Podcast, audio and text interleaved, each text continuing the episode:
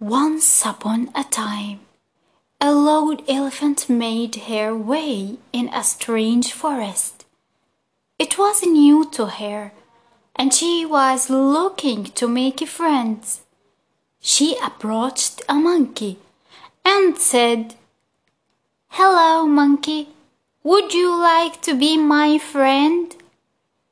The monkey said, you are too big to swing like me, so I can't be your friend. The elephant then went to the rabbit and asked the same question.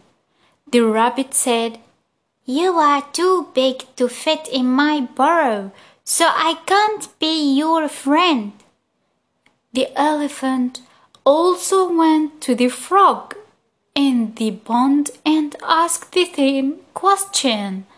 The frog replied, You are too heavy to jump as high as me, so I can't be your friend. The elephant was really sad because she couldn't make a friend. Then, one day, she saw all the animals running deeper into the forest, and she asked a bear what the fuss was about. The bear said, The lion is on the loose.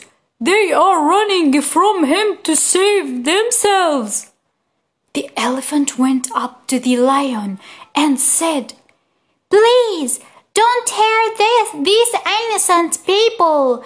Please leave them alone. The lion scoffed and asked the elephant to move aside. Then the elephant got angry and pushed the lion with all her might, injuring him.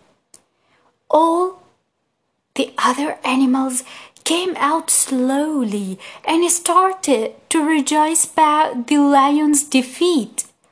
They went to the elephant and said to her, You are just the right size to be our friend. Yes, the moral of the story a person's size does not determine their worth. Thank you for your listening.